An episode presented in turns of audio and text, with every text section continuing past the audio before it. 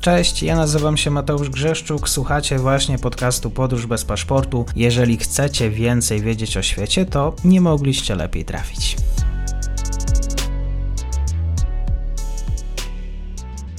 Dzień dobry wszystkim słuchaczom. Dzisiaj Ukraina. Moim gościem jest e, Michał Nowak, portal Nowy Ład, a również strona frontem do Syrii. Dzień dobry. Dzień dobry panu i witam państwa. Na Twitterze, na którego zresztą też serdecznie zachęcam wszystkich e, słuchaczy, którzy chcą obserwować e, na bieżąco to, co się dzieje na wschodzie Ukrainy. Gdybym mógł Cię poprosić e, właśnie o taki skrót, jakie tereny dzisiaj są już pod kontrolą Rosjan, gdzie toczą się dzisiaj walki, jakie są te ważne czarne punkty na mapie Ukrainy? Tak, tak jak Państwo wiedzą, e, dziś w nocy, e, około czwartej w nocy czasu lokalnego, wojska rosyjskie rozpoczęły ofensywę przeciwko Ukrainie i jeżeli tak bardzo skrótowo mam to przedstawić, to początkowo operacja rosyjska skupiona była wokół e, uderzeń rakietowych i lotniczych na strategiczne obszary, strategiczną infrastrukturę ukraińską, a więc atakowano przede wszystkim ukraińskie lotniska, bazy radarowe, bazy zaopatrzenia, sztaby dowodzenia, zgrupowania wojsk. Tą infrastrukturę infrastrukturę i te obszary, które z punktu widzenia przyszłej ofensywy lądowej były dla e, potencjału obronnego Ukrainy najważniejsze. Jeżeli traktować doniesienia rosyjskie e, wiarygodnie, a wydaje się, że w tym punkcie są one wiarygodne, to ta część operacji zakończyła się względnym sukcesem, bo wyeliminowano większość lotnisk wojskowych.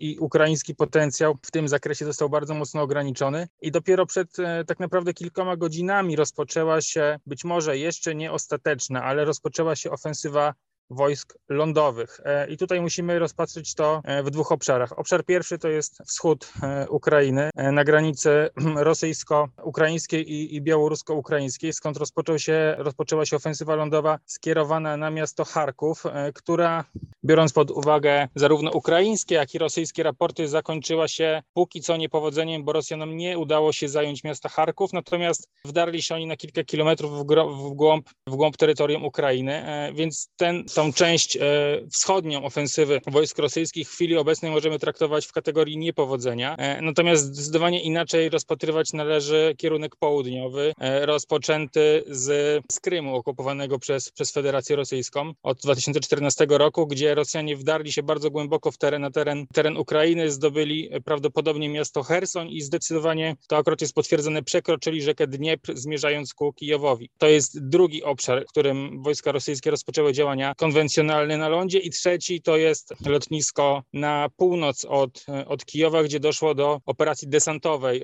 rosyjskie wojska powietrzno-desantowe po operacji desantowej przy użyciu śmigłowców opanowały lotnisko Antonowa na północ od Kijowa. W chwili obecnej znajdują się około kilkunastu kilometrów od ukraińskiej stolicy. No właśnie, ale jak mamy traktować tę agresję? Czy to jest nadal Donbas, czy to jest inwazja pełnowymiarowa? Co właściwie rosyjscy żołnierze mieliby robić w Kijowie? Moim zdaniem nie ma mowy już o Donbasie. E, o Donbasie można było mówić w 2014 roku, można było mówić wtedy, gdyby ta, te działania rosyjskie ograniczone były tylko do wschodniej Ukrainy. Natomiast wydaje mi się, jeszcze jestem wręcz przekonany, że mamy do czynienia z pełnoskalową ofensywą zmierzającą ku temu, żeby opanować właśnie ukraińską stolicę, a być może zdecydowaną większość, większość ukraińskiego terytorium. E, I tutaj już możemy to rozpatrywać w, w, w perspektywie przewidywań, bo nie jesteśmy w stanie wiedzieć, co, co, co jest w głowie rosyjskich decydentów. Natomiast wydaje się, że Rosjanie będą dążyć ku temu, aby zmienić władzę w Kijowie, e, aby na miejsce Załęskiego wprowadzić prorosyjskiego polityka, ale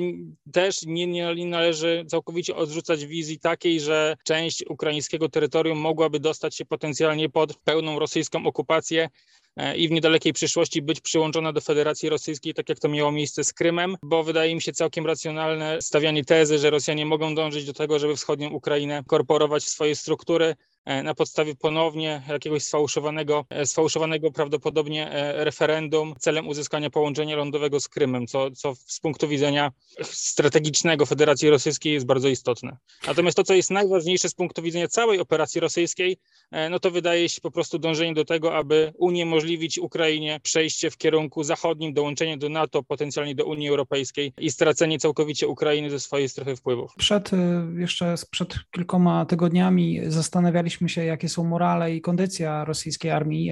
Co jesteśmy w stanie stwierdzić teraz po powiedzmy tym pierwszym dniu? Tak naprawdę docierają do nas różne komunikaty, zarówno takie, w myśl których ukraińscy żołnierze porzucają broń, je należy raczej włożyć między bajki, poza jakimiś mniejszymi, mniejszymi okolicz, okolicznościami, mniejszymi starciami ukraińscy żołnierze raczej walczą dość ofiarnie, zwłaszcza na kierunku charkowskim, gdzie, gdzie odparli ofensywę armii rosyjskiej. Natomiast jeżeli chodzi o kierunek południowy, to tutaj już niestety nie mam takiej wiedzy, czy to wynika tylko i wyłącznie z ogromnego potencjału wojsk rosyjskich, ze słabego przygotowania wojsk ukraińskich, czy też z masowej skali dezercji ukraińskich żołnierzy, którzy porzucili broń e, i stąd tak, e, tak, tak znaczne sukcesy e, wojsk rosyjskich na, na odcinku południowym. Natomiast wydaje się, to tutaj nie mam złudzeń, że po, po, pomiędzy 2014 rokiem a 2022, czy 2015 a 2022 w ciągu tych, tych siedmiu lat wojska ukraińskie przeszły, przeszły ogromny progres i dzisiaj nie stanowią już siły, która, która tłumnie oddaje broń przed,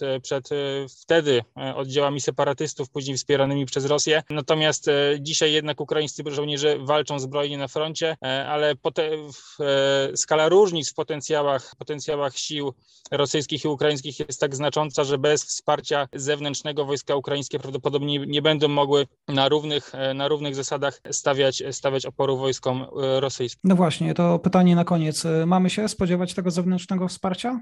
E, moim zdaniem tak, e, tutaj e, raczej, raczej nie należy tego odrzucać. Moim zdaniem zarówno Stany Zjednoczone, jak i państwa Europy, Europy Zachodniej będą dążyć do tego, żeby wspierać Ukrainę, bo potencjalna, potencjalne wydarzenie takie, że, że Ukraina dostałaby się pod pełną strefę wpływów, weszłaby w strefę wpływów rosyjskich, jest bardzo, bardzo niekorzystne i groźne z punktu widzenia bezpieczeństwa zarówno państw Europy, państw Unii Europejskiej i całego Sojuszu Północnoatlantyckiego. Michał Nowak, portal Nowy Ład. Serdecznie dziękuję za komentarz. Dziękuję również, pozdrawiam. I to już koniec na dzisiaj. Zapraszam na profil podcastu Podróż bez paszportu na Facebooku, Instagramie i Twitterze. Zachęcam też do wsparcia mojej pracy na serwisie Patronite oraz Buy Coffee. Do usłyszenia.